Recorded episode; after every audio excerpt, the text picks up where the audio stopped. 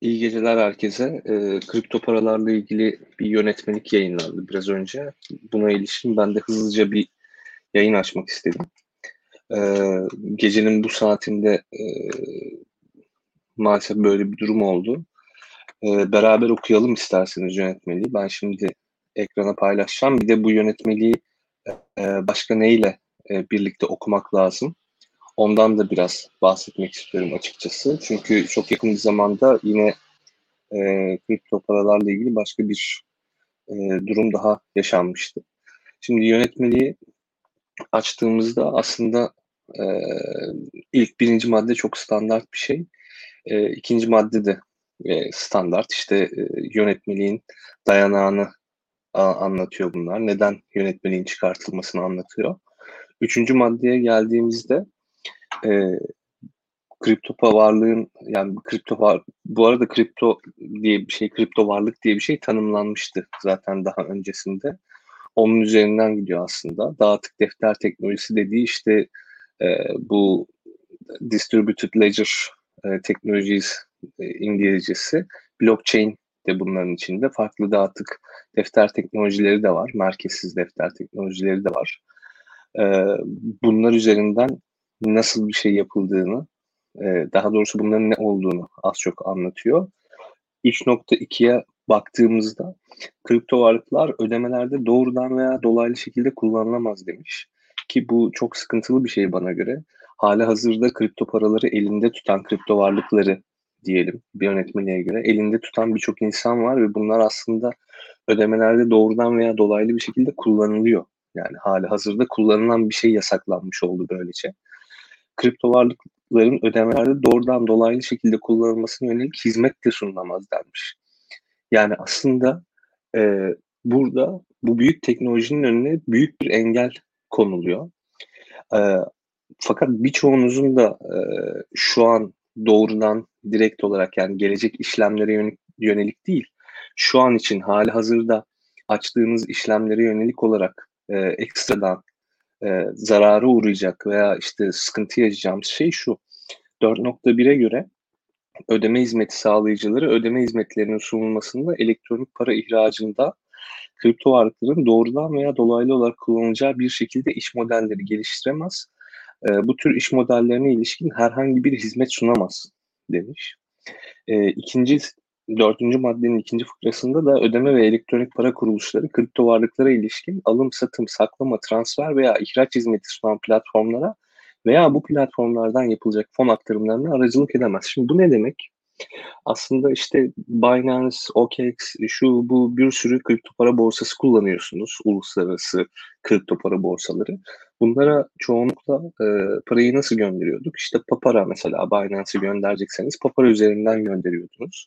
Ya da işte Türkiye'deki bir kripto para borsasından e, işte Tether, işte Stellar alıp veya işte doğrudan Bitcoin de gönderebilme imkanınız var.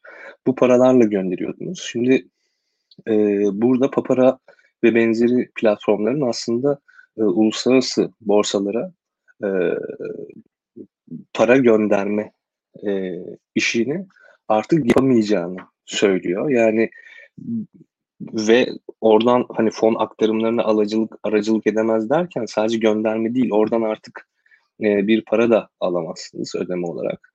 E, şimdi e, bu tür iş modellerine ilişkin yine dördüncü maddenin birinci fıkrasında iş modellerine ilişkin herhangi bir hizmet sunamaz derken de e, aslında bu tarz yeni projelerin önüne de geçiliyor. Bu ne mesela? Şimdi e, son zamanlarda yine bu GameStop olayından dolayı Robinhood mesela çok e, gündeme gelmişti. Türkiye'de de buna benzer girişimler kurulmaya başlanmıştı. İşte benim en yakın zamanda duyduğum mesela Midas. E, Midas da böyle farklı tokenize e, varlıkları veya uluslararası hisse senetlerini de e, bir şekilde e, satın almanızı sağlayacak bir platformdu. Mesela orada da bir kripto varlık ların işte bu işlem görmesi vesairesi söz konusu olabilirdi. Onlar da artık olmayacak. Yani büyük bir yenilik hareketinin önüne aslında böylece geçmiş olduk. Peki asıl dikkat etmeniz gereken nokta ne? Şimdi ekrana yansıtacağım. Ee, yakın zamanda yine BTC Türk'ten bir e, gelişme yaşandı BTC Türk cephesinde. BTC Türk bildiğiniz bir dünyada yani çok büyük bir borsa. Türkiye'nin de en büyük e, kripto para borsalarından biri. Şimdi daha evvel ne görmüştük? Bu arada bu yazı T24 sitesinde e, yayınlandı. Füsun Sarpnebil'in yazısı. E, hesabımıza haciz konuldu diye aslında e, bunu hukuki olarak işte kripto paraları, paralara da artık haciz konulabileceğine ilişkin bir şey duymuştuk. Fakat aslında e, dün şöyle bir mesaj gitti BTC Türk'ten bir kripto para e, yani BTC Türk kullanıcısına belirtmiş olduğunuz gelirinizle gerçekleştirdiğiniz işlemler arasında uyumsuzluk gözlenmiştir. E, şu kadar işte para transfer edilmiş, e, şu kadar daha transfer edilmiş. Tutarın, bu tutarların para yatırma işlemlerinize konu Türk lirası bakiyeyi nereden elde ettiğinizi gösterir detaylı açıklamanız ile bahse konu Türk lirası bakiyenin kaynağını gösterir ve açıklamanızı, açıklamanızı destekleyici belgeleri, kira sözleşmesi, maaş borcusu, gayrimenkul satış kredi evrakları, birikim hesabı ve benzeri iletmenizi rica ederiz demiş. Ve hesap hesabınız seviye bir, bir olarak güncellenmiştir diye bir e, ibare var. Şimdi buradan şunu anlamamız gerekiyor bizim. Bir, e, diyorlar ki eğer beyan ettiğiniz gelirle e, kripto para borsalarındaki varlığınız arasında bir uyumsuzluk varsa biz buradaki işlemleri durdururuz. İki, siz herhangi bir şekilde e, yurt dışındaki bir kripto para borsasına şey gönderemezsiniz. Türk lirası gönderemezsiniz. Bu iki kararı birleştirdiğinizde yani bu iki hareketi birleştirdiğinizde şimdi BTC Türk tabi bunu tek başına almamıştır. Biz böyle bir şey yapalım diye durduk yere kaç yıldan beri borsa işleten adamlar durduk yere böyle bir şey demezler.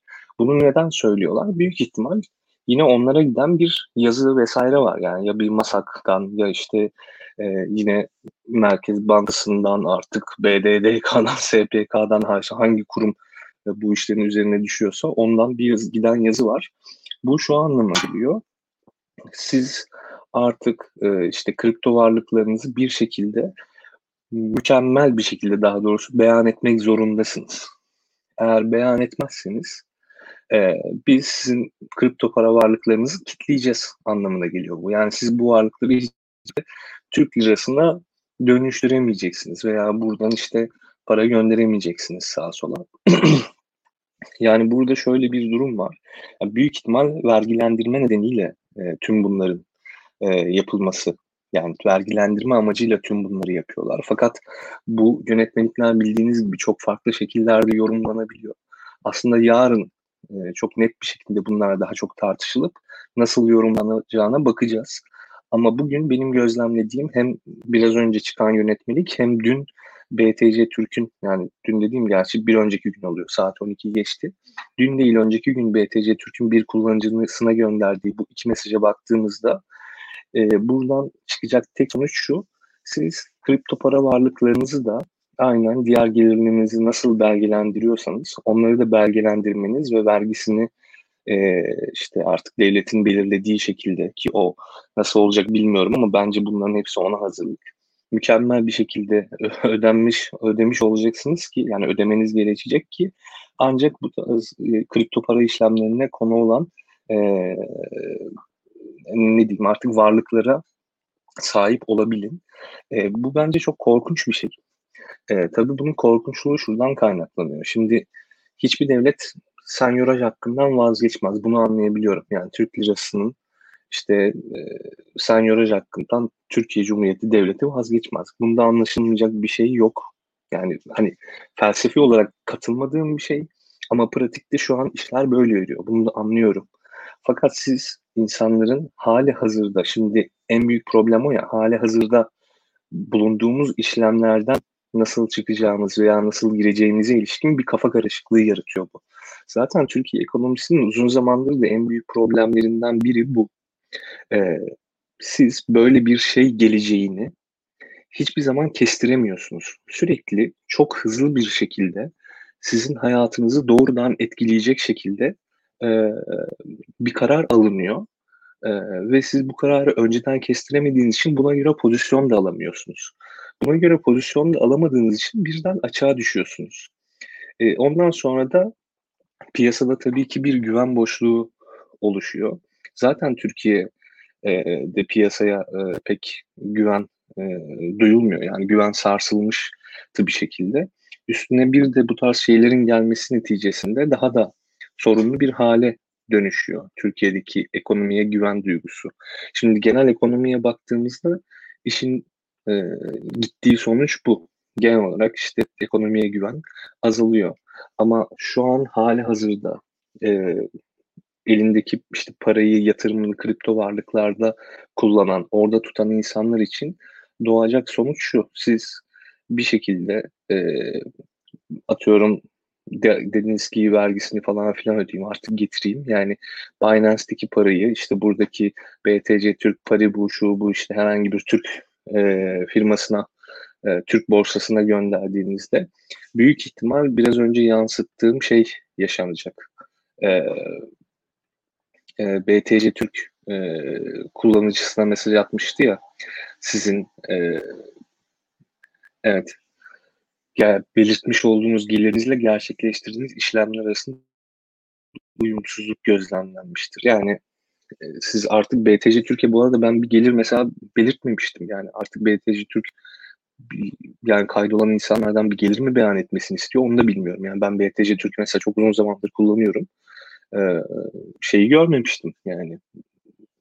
Yani bir gelirinizi beyan edin falan diye bir sayfa veya ekran görmedim. Belki de yeni kaydolan kullanıcılardan gelirlerini beyan etmelerini istiyorlar. Onu bilmiyorum. E, bunlar arasında uyumsuzluk gözlemlenmiştir diyor. Büyük ihtimal işte Binance'den oraya bir yüklü miktarda yani sizin artık gelirinizle gerçekleştirdiğiniz işlemler arasında bu uyumsuzluğu nasıl ölçüyorlar onu da bilmiyorum. Yani gelirinizin bilmem kaç katı mı demek olsun yoksa başka bir şey mi var onu da bilmiyorum ama hani onu nasıl hesapladıklarına ilişkin ayrıntılı bir şey yok en nihayetinde bu kullanıcılarına gönderdikleri mailde. Fakat işte bu uyumsuzluğu gözlemlediklerinde büyük ihtimal yeniden işte hesabınızı seviye 1'e e, indirecekler. Seviye 1 dediğimizde aslında işte bu KYC uygulamaları var ya Know Your Customer. İşte seviye 1 aslında borsaya ilk kayıt olduğunuz e, şey ee, yani hiçbir belge bilgi göndermediğinizde olduğunuz seviye hesap seviyesi bir. Buradan da şu anlaşılıyor. İşte siz e, kripto paraları çekemeyeceksiniz. Yani BTC Türk'teki BTC Türkiye gönderdiğiniz zaman diyelim e, Binance'den e, şeyi bakiyenizi BTC Türkiye gönderdiğinizde eğer onlar bir uyumsuzluk göster görürlerse sizin geliriniz ve oradaki bakiyenizle ya işlemlerinizle ilgili. Bu sefer o kripto parayı tekrar çekemeyeceğiniz anlamına geliyor bu. Yani ben burada tabii hani BTC Türkiye en nihayetinde yani ne diyebiliriz bilmiyorum. Büyük ihtimal onlara da e, dediğim gibi bir e, yazı, işte belge vesaire falan filan gitmiştir. E, fakat onlar da bence kullanıcılarıyla böyle bir şey olduğunu e, daha erken bir süreçte paylaşmaları gerekiyordu. Yani aslında yeni uygulamalarla ilgili sürekli kullanıcıların onların da güncellemeleri gerekiyor. Yani e, işte bize devletten böyle emir geldi, biz böyle yaptık demek olmaz. Yani bize devletten böyle bir emir geldi, biz bu işlemleri e, işte şu kurallara uygun olarak e, yapmayanları işte bir hafta sonra yani bir haftadan itibaren geçerli olmak üzere şu şu e, işte kurallara uymayanların işlemlerini kapatacağız veya pozisyonlarını kapatacağız veya işte hesap seviyesinin onaylanma ne derler onaylanma seviyesini önem onaylanma seviyesini düşüreceğiz vesaire demeleri lazımdı. E, bu durumda ne yapmamız gerekiyor? Açıkçası hani şu an için dediğim gibi bu tarz yönetmelikler çok farklı şekillerde yorumlanabilir. Yarın bir bakacağız yani ödeme, ödeme ve elektronik para kuruluşları dediği buna sonuçta bankalar da girebilir. Onlar da en nihayetinde ödeme aracı kuruluşu olarak e, piyasada biliniyorlar. Yani elektronik para kuruluşları kripto varlıkları ilişkin alım, satım, saklama, transfer, ihraç hizmeti sunan platformlara ve bu platformları bu platformlardan yapılacak fon aktarımlarına alıcılık edemez diyor. Yani yani şu anlama da gelebilir bu. Yani BTC Türk'teki yani sadece Binance falan demiyorum. Uluslararası borsalardaki paralarınızı demiyorum. Türkiye'deki borsalardaki paralarınızı bile işte herhangi bir banka aracılığıyla geri alamazsınız. Anlamına bile gelebilir yani bu. Onun için yarın gün ağarınca e, büyük ihtimal bu konuyla ilgili e, yani uzman kişilerle tekrar herkes oturacak, kafa yoracak, e, ne demek istediklerini, nasıl e, yaklaşacağını, e, bu konunun bu konunun bize nasıl yansıyacağını anlamaya çalışacağız. E, tabii dediğim gibi elektronik para kuruluşları, ödeme elektronik para kuruluşları deyince ilk akla gelen işte papara, innal vesaire gibi şeyler. E, bankaların tabii dahil olup olmayacağına ilişkin bankalar dahil e, değil demiş mesela Umut arkadaşımız. Hemen yansıtalım yorumlarını. Onlar ödeme hizmet sağlayıcı olarak tanımlı ilgili mevzuatta demiş. İşte ben de zaten orada bir şüpheye düştüm. Çünkü onlar da ödeme hizmet sağlayıcı olarak e, şey olduğu için yani bankalar da ödeme hizmetlerine aracılık ettiği için acaba onu da dahil ederler mi etmezler mi uygulamada? Onu bakacağız, onu göreceğiz. Ee, yani bakacağız ama şöyle bir şey söyleyeyim, tekrar söyleyeyim. Yayını kapatacağım çünkü birazdan. Yani çünkü üzerine konuşacak çok fazla bir şey yok. Zaten 6 maddelik yönetmelik ilk iki maddesi işte neden bu yönetmelik hazırlanmış, neye dayanarak hazırlanmış onu anlatıyor. 5. 6. maddede işte ne zaman yürürlüğe girecek? Ayın 30'unda girecek. Yani 15 günlük bir vakit var. E, ve bu e, şeyin yönetmeliği kim uygulayacak? Merkez Bankası Başkanı uygulayacak. Onu anlatıyor. E, ses demiş birisi ama sesim gelmiyor mu arkadaşlar bilmiyorum yani ses sanırım geliyor ama. Neyse üçüncü, dördüncü madde işte burada bizim için esas önemli olan. E, kripto varlıklar ödemelerde doğrudan dolaylı şekilde kullanılamaz. Buna ben itiraz ediyorum. Kullanılıyor kripto varlıklar ödemelerde doğrudan veya dolaylı şekilde ve kullanılacak da. Yani bunu engellemek çok zor bir şey zaten. Kripto varlık, kripto paraların zaten temel varlık amacı devlet yani 2008 krizinden sonra esas e, kripto varlıklar gün yüzüne çıktı diyelim. Onların esas varlık amacı zaten devletlerin bu tarz işlemlere e, din önündeki engelleri e, bir şekilde aşmaktı. E, bu engel de aşılır ve kullanılır bir şekilde. E, dördüncü madde yine dediğim gibi esas kritik olan yer hani şu anki işlemlerimiz için ödeme hizmeti sağlayıcıları ödeme hizmetlerinin sunulmasında ve elektronik para ihracında kripto varlıkların doğrudan veya dolaylı olarak kullanacağı bir şekilde iş modelleri geliştiremez. Bu tür iş modellerine ilişkin herhangi bir hizmet sunamaz. Şu kesin. Yani artık Papara'yla Binance'e para göndermeyeceksin şimdi. Binance diyorum Türkiye'de en çok kullanılan e, borsa borsalardan biri olduğu için.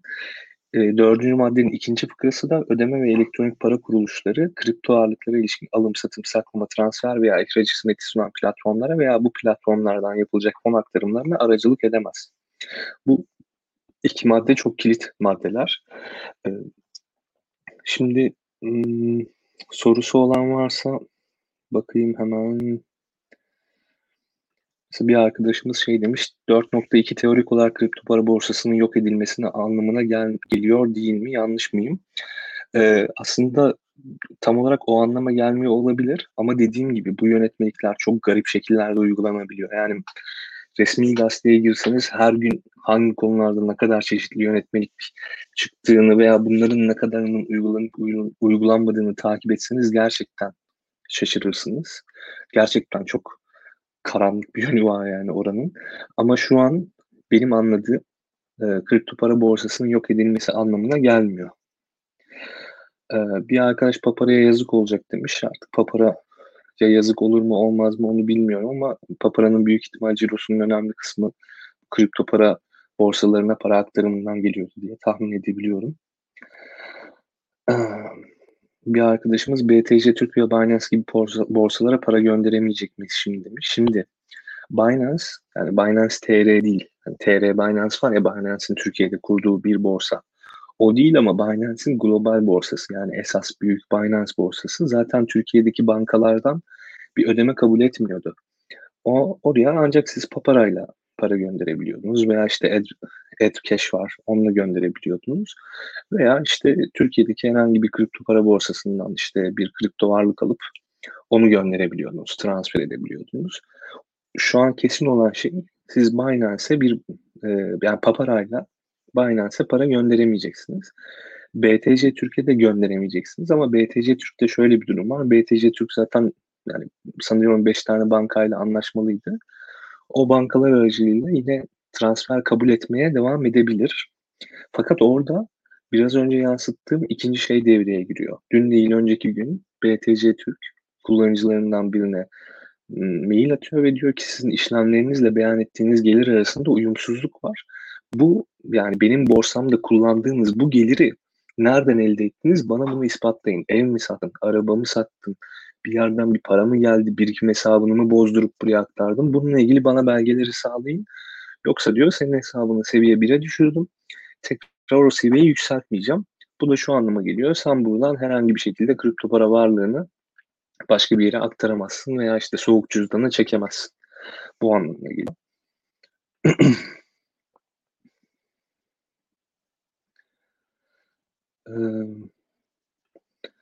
ayın 30'undan sonra para çekemeyeceğiz. Şimdi bu yönetmelik ayın 30'unda yürürlüğe girecek. Aşağı yukarı iki hafta var önümüzde. Ayın 30'undan sonra para çekebileceğiz mi? Yani bence çekebileceğiz ayın 30'undan sonra para.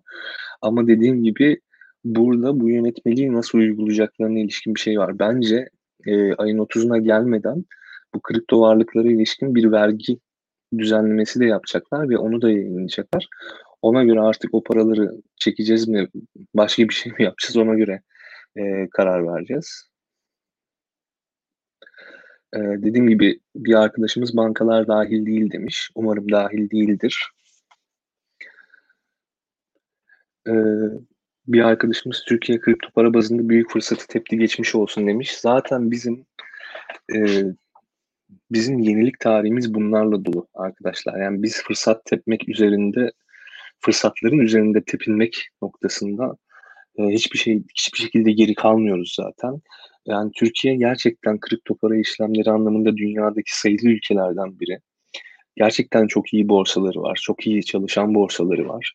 Ee, çok iyi aslında bu alanda çalışan insanlar da var ve bunlar gerçekten özveriyle çalışıyorlar ve başkalarını da yetiştiriyorlar aslında. Yani Türkiye çok fazla kripto para, kripto varlık, işte blockchain projesi üretebilecek potansiyeli emin olun çok kısa sürede gelecek. Hani hali hazırda da geliştiriliyor ama çok kısa sürede gelecek. Üniversiteler buna adapte olmaya başladı.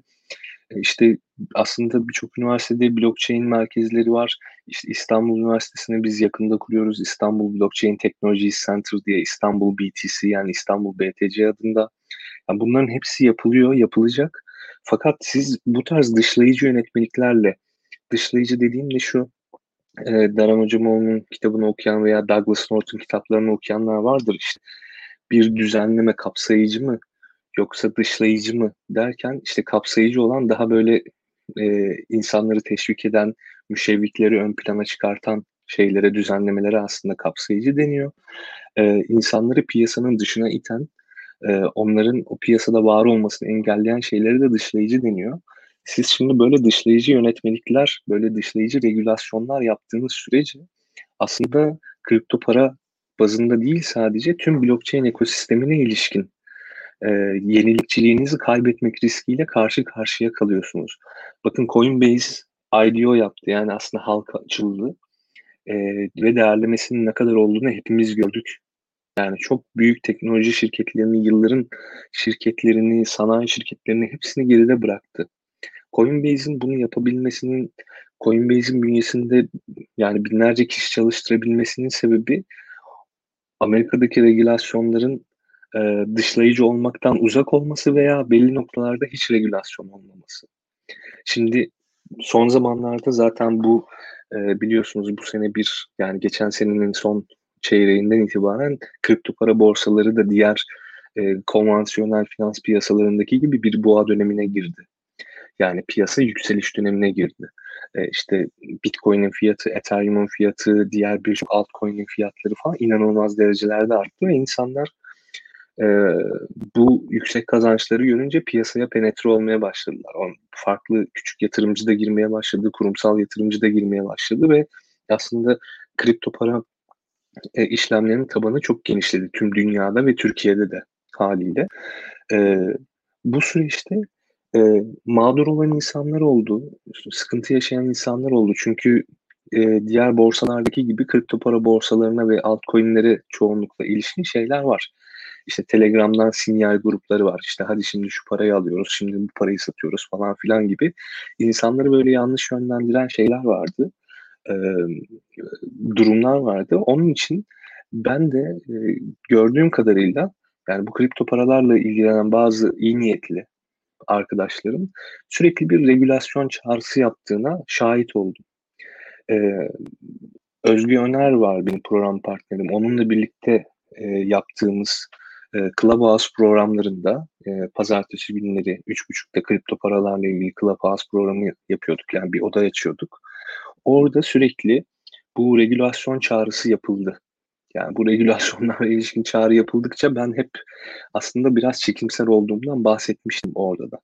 Regülasyonlar çünkü Türkiye'de e, uygulanan regülasyonlar hiçbir zaman vatandaşı temel alan regülasyonlar olmuyor. İlk başta devletin gelirini, devletin kendisini garanti altına alan regülasyonlara ön e, öncelik veriyorlar. Ondan sonra hani vatandaşın durumu nedir ne değildir ona bakıyorlar. Onun için ben böyle bir dönemde regülasyon yapılmasının yani insanlar piyasaya bu kadar penetre olmuşken, bu kadar piyasanın içindeyken ve aslında bazı insanların yüklü miktarda piyasada parası bulunurken e, yani burada regülasyon olmasının çok fazla insan sıkıntıya sokacağını düşünüyordum ve bunu söylemiştim özellikle. E, yani bu mesela bir ayı döneminde hani insanların piyasadan yavaş yavaş çekildiği işte yani parayı kaybeden kaybetti, kazanan kazandı. Ama bir şekilde insanların ilgisinin kripto para piyasalarından daha uzak olduğu bir dönemde yapılsa belki biraz daha az etki eder ama şu an çok fazla etki edecek. ee, Yaşar Ceritoğlu da yanlış yorum yaptığımı söylemiş. Bankalar kapsamda değil demiş. Evet katılıyorum doğru. Yani bana da zaten çok bankalar olabilir dedim sadece. Yani yönetmeliği nasıl yorumlayacaklarına ilişkin yoksa tamamen kesin kapsamda demedim. Zaten onun için Türk kripto para borsaları zaten e, Türkiye'deki yerleşik bankalarla çalıştığı için e, büyük ihtimal sıkıntı yaşamayacaklar ama oradaki sıkıntıda ne olacak? Sizin gelirinizle yaptığınız işlem arasında uyumsuzluk var denecek ve sizden sürekli bir şey beyan etmenizi isteyecekler ve o beyanı büyük ihtimal kamu kurumlarıyla paylaşacaklar ve o kamu kurumları da sizi neye göre vergilendireceğini çok daha rahat öğrenecek. Ee, şöyle bir iddia var. Son bir yıl içerisinde Türkiye'den kripto paraya akan para 4 milyar dolar. Amaç para çıkışını durdurmak. Bu şeyi bilmiyorum. Yani bu miktarı nereden buldunuz bilmiyorum. Ben o konuda bir bilgim yok. Ama bu tabii ki amaçlardan biri olmuş olabilir. Ee, zaten birçok amacı olur genelde böyle yönetmeliklerin. Birincisi para çıkışını durdurmak olabilir. İkincisi dediğim gibi vergilendirme olabilir. Ee, Bakalım başka soru var mı?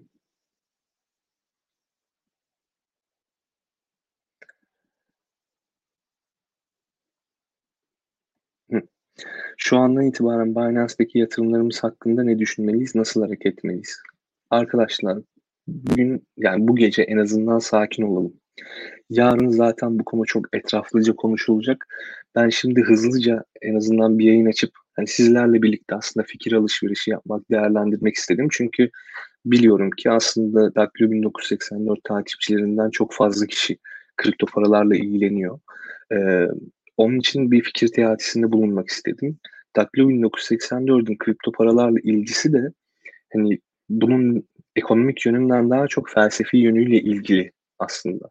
Ee, işte e, eskiden beri zaten yani Avusturya Ekonomik Okulu e, Avusturya Ekonomik Okulu'na bağlı okumalar yapan işte oradan beslenen bir ekibimiz var bizim. Şimdi hepimizin görüşleri, yaşantısı, işte fikirleri farklı olsa da biz nihayetinde o külliyattan da beslenen insanlarız. Ve orada aslında Bitcoin'i yani Bitcoin'in temel aldığı fikirlerin hepsi aslında Avusturya İktisat Okulu'nun e, fikirleridir. Onun için bizim öyle bir felsefi zaten yakınlığımız var özellikle Bitcoin'e. E, sonrasında da kripto paralara. Pratik olarak da bunun e, daha finansal anlamda özgürleştireceğini, özgürleştirici bir hareket olduğunu düşünüyorum ben. Bu benim şahsi görüşüm ilkinden farklı olarak. Onun için ben de bu yayını açtım ki sizle e, fikir teatisi yapayım diye. Sadece şu an söyleyeceğim şey şu. Yani Binance'daki yatırımlarınız hakkında şu an hiçbir şey düşünmeyin. Yani şu an hakikaten bu kararın üzerine yatıp uyuyalım. Yarın emin olun çok daha yani benden de çok daha fazla bilgili insanlarla beraber bu konuları konuşacağız, edeceğiz, üzerine düşüneceğiz. Sizler de düşüneceksiniz. Hepimiz birbirimizi takip edeceğiz ve ne yapılacağına bakacağız. Ee, bir de bu yönetmeliğin pratikte nasıl uygulanabileceğini, işte bizim için ne gibi riskler e, getireceğini sorgulayacağız. Şu an ama sakın yani kimse paniğe falan filan kapılıp hani Binance'deki parasını başka bir borsaya atmaya, işte herhangi bir yerli borsaya atmaya falan filan çalışmasın. Çünkü şu an onunla ilgili bir şey yok. Hatta bu e, bu hareketi yapmanız yani global bir borsadaki parayı Türkiye'deki bir kripto para borsasına atmanız biraz önce bahsettiğim tekrar paylaşayım. Biraz önce bahsettiğim BTC Türk e, mailinden ötürü e, zararınıza bile olabilir. Çünkü BTC Türk ne yapmıştı? E, belirtmiş olduğunuz gelirle gerçekleştirdiğiniz işlemler arasında uyum, uyumsuzluk gözlemlenmiştir diye bir mail atmıştı e, kullanıcılarından birine. Yani sizin oraya artık o gelir nasıl beyan ediliyor BTC Türkiye bilmiyorum ama eğer bir gelir beyan ettiyseniz ve yüklü miktarda kripto para oraya gönderirseniz bu uyumsuzluk nedeniyle hesabınızın doğrulama seviyesini düşürebilirler. Ee,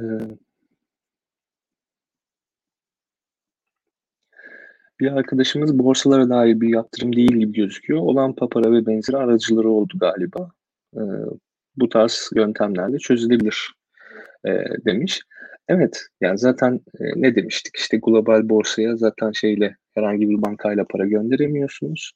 Ya parayla gönderiyorsunuz ya da Türkiye'deki bir borsadan alıp oraya yani Türkiye'deki bir borsadan bir kripto para alıp oraya transfer ediyorsunuz. Evet öyle çözülebilir. Fakat işte burada ikinci dediğim sıkıntı devreye giriyor. Yani sizin oraya aktardığınız paranın kaynağını soracak bu sefer Türkiye'deki borsalar. Yani normalde siz işte Papara'ya işte 500 bin TL atıp onu da direkt Binance Global'e gönderebilirdiniz. Ne Papara size bunun kaynağını sorardı ne Binance sorardı.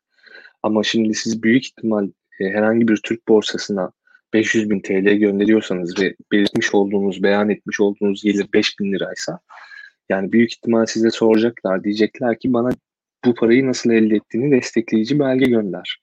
Bakın BTC Türk'ün maili ekrana yansıtılmış bir şekilde açık. Diyor ki bize bu paranın kaynağını gösterir, açıklamayı, açıklamanızı ve destekleyici belgelerinizi gönderin. Maaş borcunuz, gayrimenkul satışı, işte kredi evrakı, birikim hesabı ve benzeri. Yani diyor ki siz evimi sattınız, arabamı sattınız, birikim hesabını mı bozup krediğimi çekip girdiniz. Ya bu para nereden geldi? Bana bunu söyleyin diyor. İşte siz zaten bu noktada çıkacak.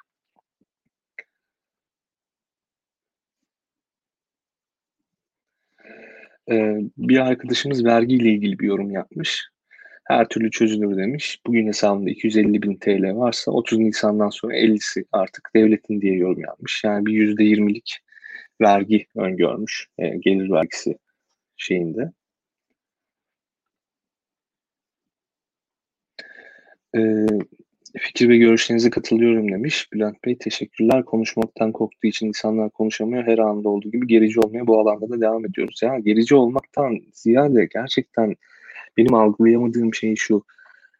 Yani aslında yeni olan hiçbir şeyi teşvik etmiyoruz biz. Yani bizim bu konudaki müşevviklerimiz çok az. Yani teşvik edici şeylerimiz çok çok çok az. İnanılmaz az. Halbuki yeni olan bir şeyi biraz daha e, teşvik etmemiz lazım. Yani gerici olmaktan çok belki biraz daha atak davranmamız gerekiyor. Bakın yani özellikle kripto para piyasalarında şöyle bir şey vardır. Siz bir kripto para piyasası geliştirdiğinizde eğer Asya'dan Asya tarafından bir yatırım aldıysanız bu insanların dikkatini çeker. Çünkü Asya'daki çoğu ülke aslında kripto para piyasasına hızlı bir şekilde angaja olmaya çalışıyor, entegre olmaya çalışıyor ve geleceğini kripto paralarda gören bazı ülkeler dahi var. Çünkü dünyada rezerv para birimi dolar, e, doların sahibi Amerika. Bu rezerv para sistemini den bu cendereden çıkmak isteyen yani uluslararası ödemelerde bile Amerikan sistemini kullanıyorsunuz işte Swift vesaire. Bu cendereden çıkmak isteyen ülkeler bu işe büyük yatırım yapıyorlar. Yani Türkiye milli para diyor, şunu diyor, bunu diyor vesaire. Ama bu işe hiç yatırım yapmıyor. Hatta böyle dışlayıcı karar alıyor.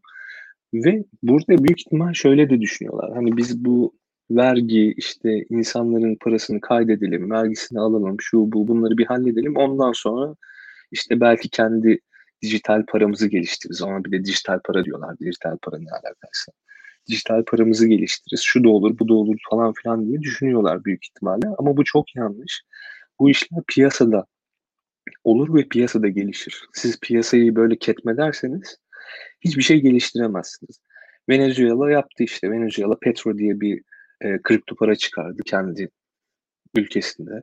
Yani Petro isminde. Yani ne? Hiç yani piyasada gördünüz mü? Duydunuz mu? Yani herhangi bir şey var mı? Yani sonuçta bu biraz devlete güvenle ilişkilidir. Sonuçta o parayı da çıkaran yine Türkiye Cumhuriyeti Merkez Bankası olacaksa e, ve Türkiye Cumhuriyeti Merkez Bankası'nın güvenilirliği hala hazırda ortadayken yani bu parayı basmış veya işte dijital olarak çıkarmış hiçbir fark yok. Yani çıkarttığı şey net lirası. 1 lira dijital paramız diye bir yorum yapmış arkadaşımız. Evet 1 lira diye bir dijital para var. TRBY diye e, kodlanıyor. FTX borsasında vesaire de var. E, 1, 1 lira 1 TL'ye eşit. Yani 1 lira 1 liraya eşit. Öyle bir para var ve piyasa aslında bakın gördüğünüz gibi yani 1 liranın bu arada yani yatırımcılarından biri yani kurucularından biri diyeyim. Yabancı. Yani kim kimse de şey diye düşünmüyor. Ya bu para işte bir Türk lirasına eşit ama kurucularından biri yabancı. Nasıl böyle bir şey olur falan filan diye bir şey düşünmüyor. Çünkü bunun bu işle hiçbir alakası yok. Yani piyasa böyle zaten kendi çözümünü geliştiriyor ama şimdi tüm bunların önünde engel olan e, bir şey e, yapmaya çalışıyoruz. Tahir Burat Üzün şey demiş pek yerli olmayan ama milli kriptolarımız AVAX demiş. AVAX Avalanche Labs'ın bir projesi. Avalanche Labs'ın başında da e, Emin Günsürer hoca var. E, işte kendisi Türk. Ekibinde de aslında birçok Türk var. Onun için öyle diyor Taha Ta, Tahir Buğra Tüzün. E, tabii yani Türkiye ile hiçbir alakası yok. Yine arkadaşlar şey yani çok güzel bir proje çıktı. bir Türk yaptı bunu. Amerika'dayken yaptı. E, işte biz de övünürüz burada hani e, Almanya'da da aşı buldu. E, iki tane Türk doktor, hani Türk kökenli doktor. İşte Türk kökenli bir Amerikalı da e, aslında Avalanche Labs e, içerisinde çok iyi bir proje gerçekleştirdi. Biz de övünebiliriz.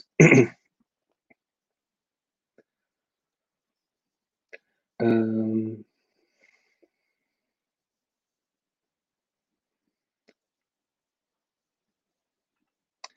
Şimdi yine Umut'un bir yorumunu yansıtayım. Birçok kripto pazar raporunda Türkiye Middle East Leader olarak gösteriliyor. Yine çok büyük fırsatı kaçırıyoruz. Yani benim okuduğum raporlarda sadece Middle East Leader değil yani Türkiye. Türkiye aslında bayağı yani dünyada önemli bir yerde kripto para büyüklüğü açısından, işlem hacmi açısından önemli araştırmalar yapılıyor. Bunların hepsinde çok iyi yerde yani Türkiye ve yani yavaş yavaş dediğim gibi biz bu alanda yazılımcı, bu alanda iş geliştirmeci vesaire yetiştirmeye başlıyorduk. Yani Türkiye'de finansal mühendislik her zaman çok zayıf olduğu için şimdi çünkü e, Türkiye'de bankacılık daha çok işte bireysel bankacılık üzerinden vesaire dönüyor. Yani dünyadaki bankacılık e, sistemlerinde kullanılan finansal enstrüman çeşitliliği zaten Türkiye'de hiçbir zaman olmadı. Ama insanlar bireysel olarak bankacılık işlemlerine çok hızlı entegre oldular. Ve Türkiye bu alanda çok iyiydi. Yani bireysel bankacılık alanında da. Kripto paralara da aslında insanlar çok iyi entegre oldular. Fakat bizim tarihsel olarak o finansal mühendislik, finansal enstrüman çeşitliği noktasındaki zayıflık bizim öyle bir e, güçlü geçmişimiz olmadığı için biz kripto para piyasasında önemli bir yerdeydik dünyada fakat kendi geliştiricimiz yani iş geliştiricilerimiz veya işte yazılımcılarımız daha azdı. Fakat o da hızlı bir şekilde tamamlanıyordu. Belki arayı kapatacaktık. Yani kullanım ve geliştirme e, arasındaki uçurumu yavaş yavaş kapatabilecektik. Fakat bu tarz bence dışlayıcı yönetmelikler, regülasyonlar bunun önüne engel e, oluyor. Um, e, bu arada yine papara ve benzeri sorular geliyor. E, onları yayının başında birkaç kere hatta cevapladım. E, oradan yani yayının başına dönüp bakabilirsiniz arkadaşlar. Şimdi yönetmeliği ben tekrar yansıtayım. Tekrar son bir kez daha bakalım. hem de siz de kendi fikirlerinizi yazın. Ben de sizinle bir fikir teatisi yapmış olayım. Madde 1, 2 ve 5, 6 önemli olmayan maddeler. Madde 3'ün birinci fıkrası kripto varlığın ne olduğunu vesaire tanımlıyor. E, madde 3'ün ikinci fıkrasında kripto varlıklar ödemelerde doğrudan veya dolaylı şekilde kullanılamaz demiş. Buna itiraz ediyorum. Kullanılıyor, kullanılacak. Yani bu işin doğası bu zaten. Yani bir ara hatırlarsanız şey vardı. Yani hala var da e, sanırım yani bira üreten şirketler şikayet etmişti. Evde bira yapanlar çoğalınca. Çünkü çok fazla vergi geldi biranın üzerine ve evde bira yapanlar çoğaldı. Sonra evde bira yapımına bir litre sınırı getirdiler. 30 küsur litre mi ne? Peki bunu nasıl denetleyeceksiniz? Yani evinde adam 30 litre değil de 40 litre bira yaptıysa bundan nasıl haberiniz olacak? Ya işte bu üçüncü madde, üçüncü maddenin ikinci fıkrası da böyle bir şey. Yani sizin zaten denetleyemeyeceğiniz bir sürü işlem işlem dönecek yani olacak. Bununla ilgili bir regülasyon yapmanızın bir anlamı yok. Yani boşa düşmüş sakıt bir şey bu madde ve fıkra. Üçüncü maddenin üçüncü fıkrası kripto varlıkların ödemelerde doğrudan dolaylı şekilde kullanılmasına yönelik hizmet sunulamaz. Bunu belki engelleyebilirsiniz ama ben size alkışlarım o zaman. Ne güzel bir şey yaptınız. Ee, müthiş teknolojik bir gelişmenin önüne ket vurdunuz. Yani buna ilişkin yüzlerce application vesaire üretilecekken şimdi diyor üretmeyin bunları. Çünkü kullanamayacaksınız. Dördüncü madde, şimdi ödeme hizmetlerinin sunulmasında ve elektronik para ihracında kripto varlıkların kullanılmaması. Dördüncü maddenin birinci fıkrasında şunu diyor. Ödeme hizmeti sağlayıcıları ödeme hizmetlerinin sunulmasında ve elektronik para ihracında kripto varlıkların doğrudan veya dolaylı olarak kullanılacağı bir şekilde iş modelleri geliştiremez. Bravo. Bu tür iş modellerine ilişkin herhangi bir hizmet sunamaz. Dördüncü maddenin ikinci fıkrası da diyor ki ödeme ve elektronik para kuruluşları kripto varlıklara ilişkin alım, satım, saklama, transfer veya ihraç hizmeti sunan platformlara veya bu platformlardan yapılacak fon aktarımlarına aracılık edemez. Şimdi bu iki madde cepte. Yani şu özetle tekrar yayını kapatırken söyleyeyim artık e, siz paparayla şunla bununla işte Binance Global'e veya işte hangi global borsayı kullanıyorsanız oralara e, TL fon aktaramayacaksınız ya veya başka bir yabancı para birişiminden Türkiye'deki bankalardan e, oraya fon aktaramayacaksınız. E, bunu neyle bağlamıştık? Onu tekrar göstereyim. Bunu dün değil, önceki gün BTC Türk'ün bir kullanıcısına attığı maille bağlamıştık. o mail neydi? Ee, kullanıcı bir işlem yapıyor. Anladığım kadarıyla 480 4000 küsür ve 420 bin küsürlük iki tane işlem yapıyor. Ee, bu işlemler diyorlar ki yani BTC Türk diyor ki bu işlemler belirtmiş olduğunuz gelirinizle uyumsuz. Yani büyük ihtimal bu Sercan isimli arkadaş işte geliri atıyorum 10 bin, 15 bin, 20 bin neyse ama yaptığı işlemler 400 bin seviyelerinde olduğu için bu uyumsuz diyor ve diyor ki siz bu parayı, bu bakiyeyi nereden elde ettiniz? Bunu bize detaylı açıklayın. Bunun kaynağını gösterin, destekleyici belgeleri sunun. Bu belgeler nedir? İşte kira sözleşmeniz, maaş borcunuz, gayrimenkul satışı mı yaptınız, oradan mı geldi, kredi mi çektiniz, oradan mı geldi, birikim hesabını bozdunuz, oradan mı geldi? Bunu bize söyleyin ki biz sizin hesap seviyenizi yeniden güncelleyelim. Çünkü şu an hesabı seviye 1'e düşürülmüş arkadaş. Seviye 1 ne? Seviye 1 kripto para alım satım yapılabiliyor ama kripto para çekemiyor. Yani siz buraya parayı gönderdiniz ama o kripto para orada kalacak hiç çekemeyeceksiniz. O anlama geliyor. Ee, bunu dediğim gibi biraz önce bu parayla vesaire para gönderme işte oradaki borsaları yani global borsalardaki paranızı e, BTC, Türk, Paribu ve benzeri Türk borsalarına aktardığınızda yaşayacağınız sıkıntıyla birleştirdiğinizde elinizde kalan şey şu. Sizin kripto para varlıklarınızı, kripto varlıklarınız diyelim, yönetmeliğe göre öyle geçiyor. Kripto varlıklarınızı tam anlamıyla e, kayıt ettirmeniz gerekiyor. Onun vergisini büyük ihtimal alacaklar. e, kayıt ettirmeniz gerekiyor ki işlemlerinizi sıkıntısız yapın. Biz normalde ne yapıyorduk işte al BTC Türk'ten işte Tether al oraya gönder. Oradan işte çeşitli paraları al sat. İşte re, kar realizasyonu yapmak istediğin zaman tekrar oradan bir miktar Tether'ını al işte BTC Türkiye gönder, onu Türk lirasına çevir geri al falan filan. Şimdi burada karşımıza bu işlemleri yaparken, normalde bugüne kadar yaptığımız işlemleri yaparken yaşamadığımız iki tane şey çıkacak.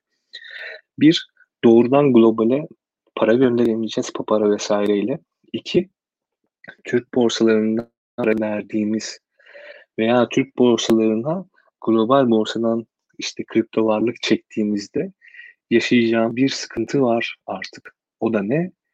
Beyan ettiğimiz gelirle gerçekleşen işlemler arasında uyumsuzluk varsa BTC Türk hesap seviyenizi düşürdüm diyor. Şimdi bunu sadece BTC Türk mü yapıyor, başka işte kripto para borsaları da yapıyor mu bilmiyorum ama elimizdeki kanıt BTC Türkiye ilişkin bir kanıt. Bu arada tekrar hatırlatayım. Bu yazı e, Füsun Sarp Nebil'in T24'te 15 Nisan'da yani aslında dün yazdığı yazı. E, yazı da bu arada gayet iyi. Bunu okuyabilirsiniz. Yazıda bahsettiği şey işte masak, kara para olmayı, aklama olayı olmasın e, falan diye konuşuyormuş. E, işte bu ve Bitcoin dediği yine bir kripto para borsası Türkiye'de onu biliyorsunuz.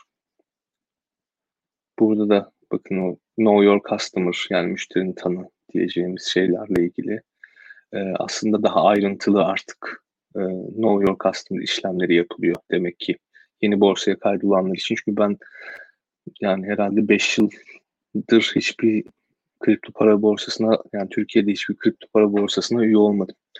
Yani BTC Türkiye işte 2014 miydi 15 miydi ne girmiştik girmiştim. Ondan sonrasında hiç başka borsaya da üye olmadım. Onun için bilmiyorum ama ayrıntılı bir şey yapılıyor demek ki artık. Know Your Customer işlemi ayrıntılı yapılıyor. Neyse arkadaşlar e, yayını kapatıyorum. Bence kötü bir gece oldu. Yani Türkiye'nin e,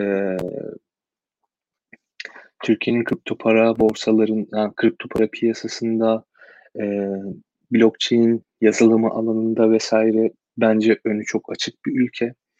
Bu işler Türkiye'de gerçekten çok iyi yapılabilir. Fakat bu tarz dışlayıcı yönetmelikler bence tüm bunların önüne set çekiyor. Ee, yani tabii umarım ki yani çok da gönülden isterim ki bu yönetmelik yeniden iptal edilsin. Böyle bir regülasyon yapılmamış olsun. Ee, ama bunun olmayacağından adım gibi eminim neredeyse. Onun için şimdi 30 Nisan'a kadar süremiz var. Yani 30 Nisan'da bu yönetmelik yürürlüğe girecek. 30 Nisan'a kadar süremiz var. O arada yani hepinizden ricam biz gün içinde tüm bu tartışmaları e, değerlendirelim, bakalım. E, hepimiz bakalım. Birbirimizle fikir alışverişi yapalım. 30 Nisan'a kadar vaktimiz çok. E, karşımıza ne çıkacak? E, nasıl bir yol izlememiz lazım? Uluslararası kripto paralar, e, kripto para borsalarındaki varlıklarımız için e, beraberce bir karar verelim. E, çok teşekkür ederim. Benimle fikirlerinizi paylaştığınız için bu saatte e, güzel bir fikir alışverişi yapma ortamı doğdu. E, yarın veya bir sonraki günde yine bu konuyla ilgili ciddi e, yayınlar yapmayı planlıyorum. Yani bu işin erbaplarını çağırırız, konuşuruz. E, ne yapılır, ne edilir e, üzerine bakarız. E, siz de takip edin. Hem beni takip edin Twitter'dan e, yani Enes Özkan yazarsanız birkaç işte arabesk rapçi haricinde ben çıkıyorum genelde Enes Özkan yazınca. Daktilo 1984'ü takip edin. E, bu tarz yayınları e, en azından e, haber yani bu tarz yayınlardan haberiniz olmuş olur. E, ve YouTube'dan da bizi takip etmeyi unutmayın. Çok teşekkür ederim herkese. İyi geceler. Artık ne kadar iyi olabilirse tabii.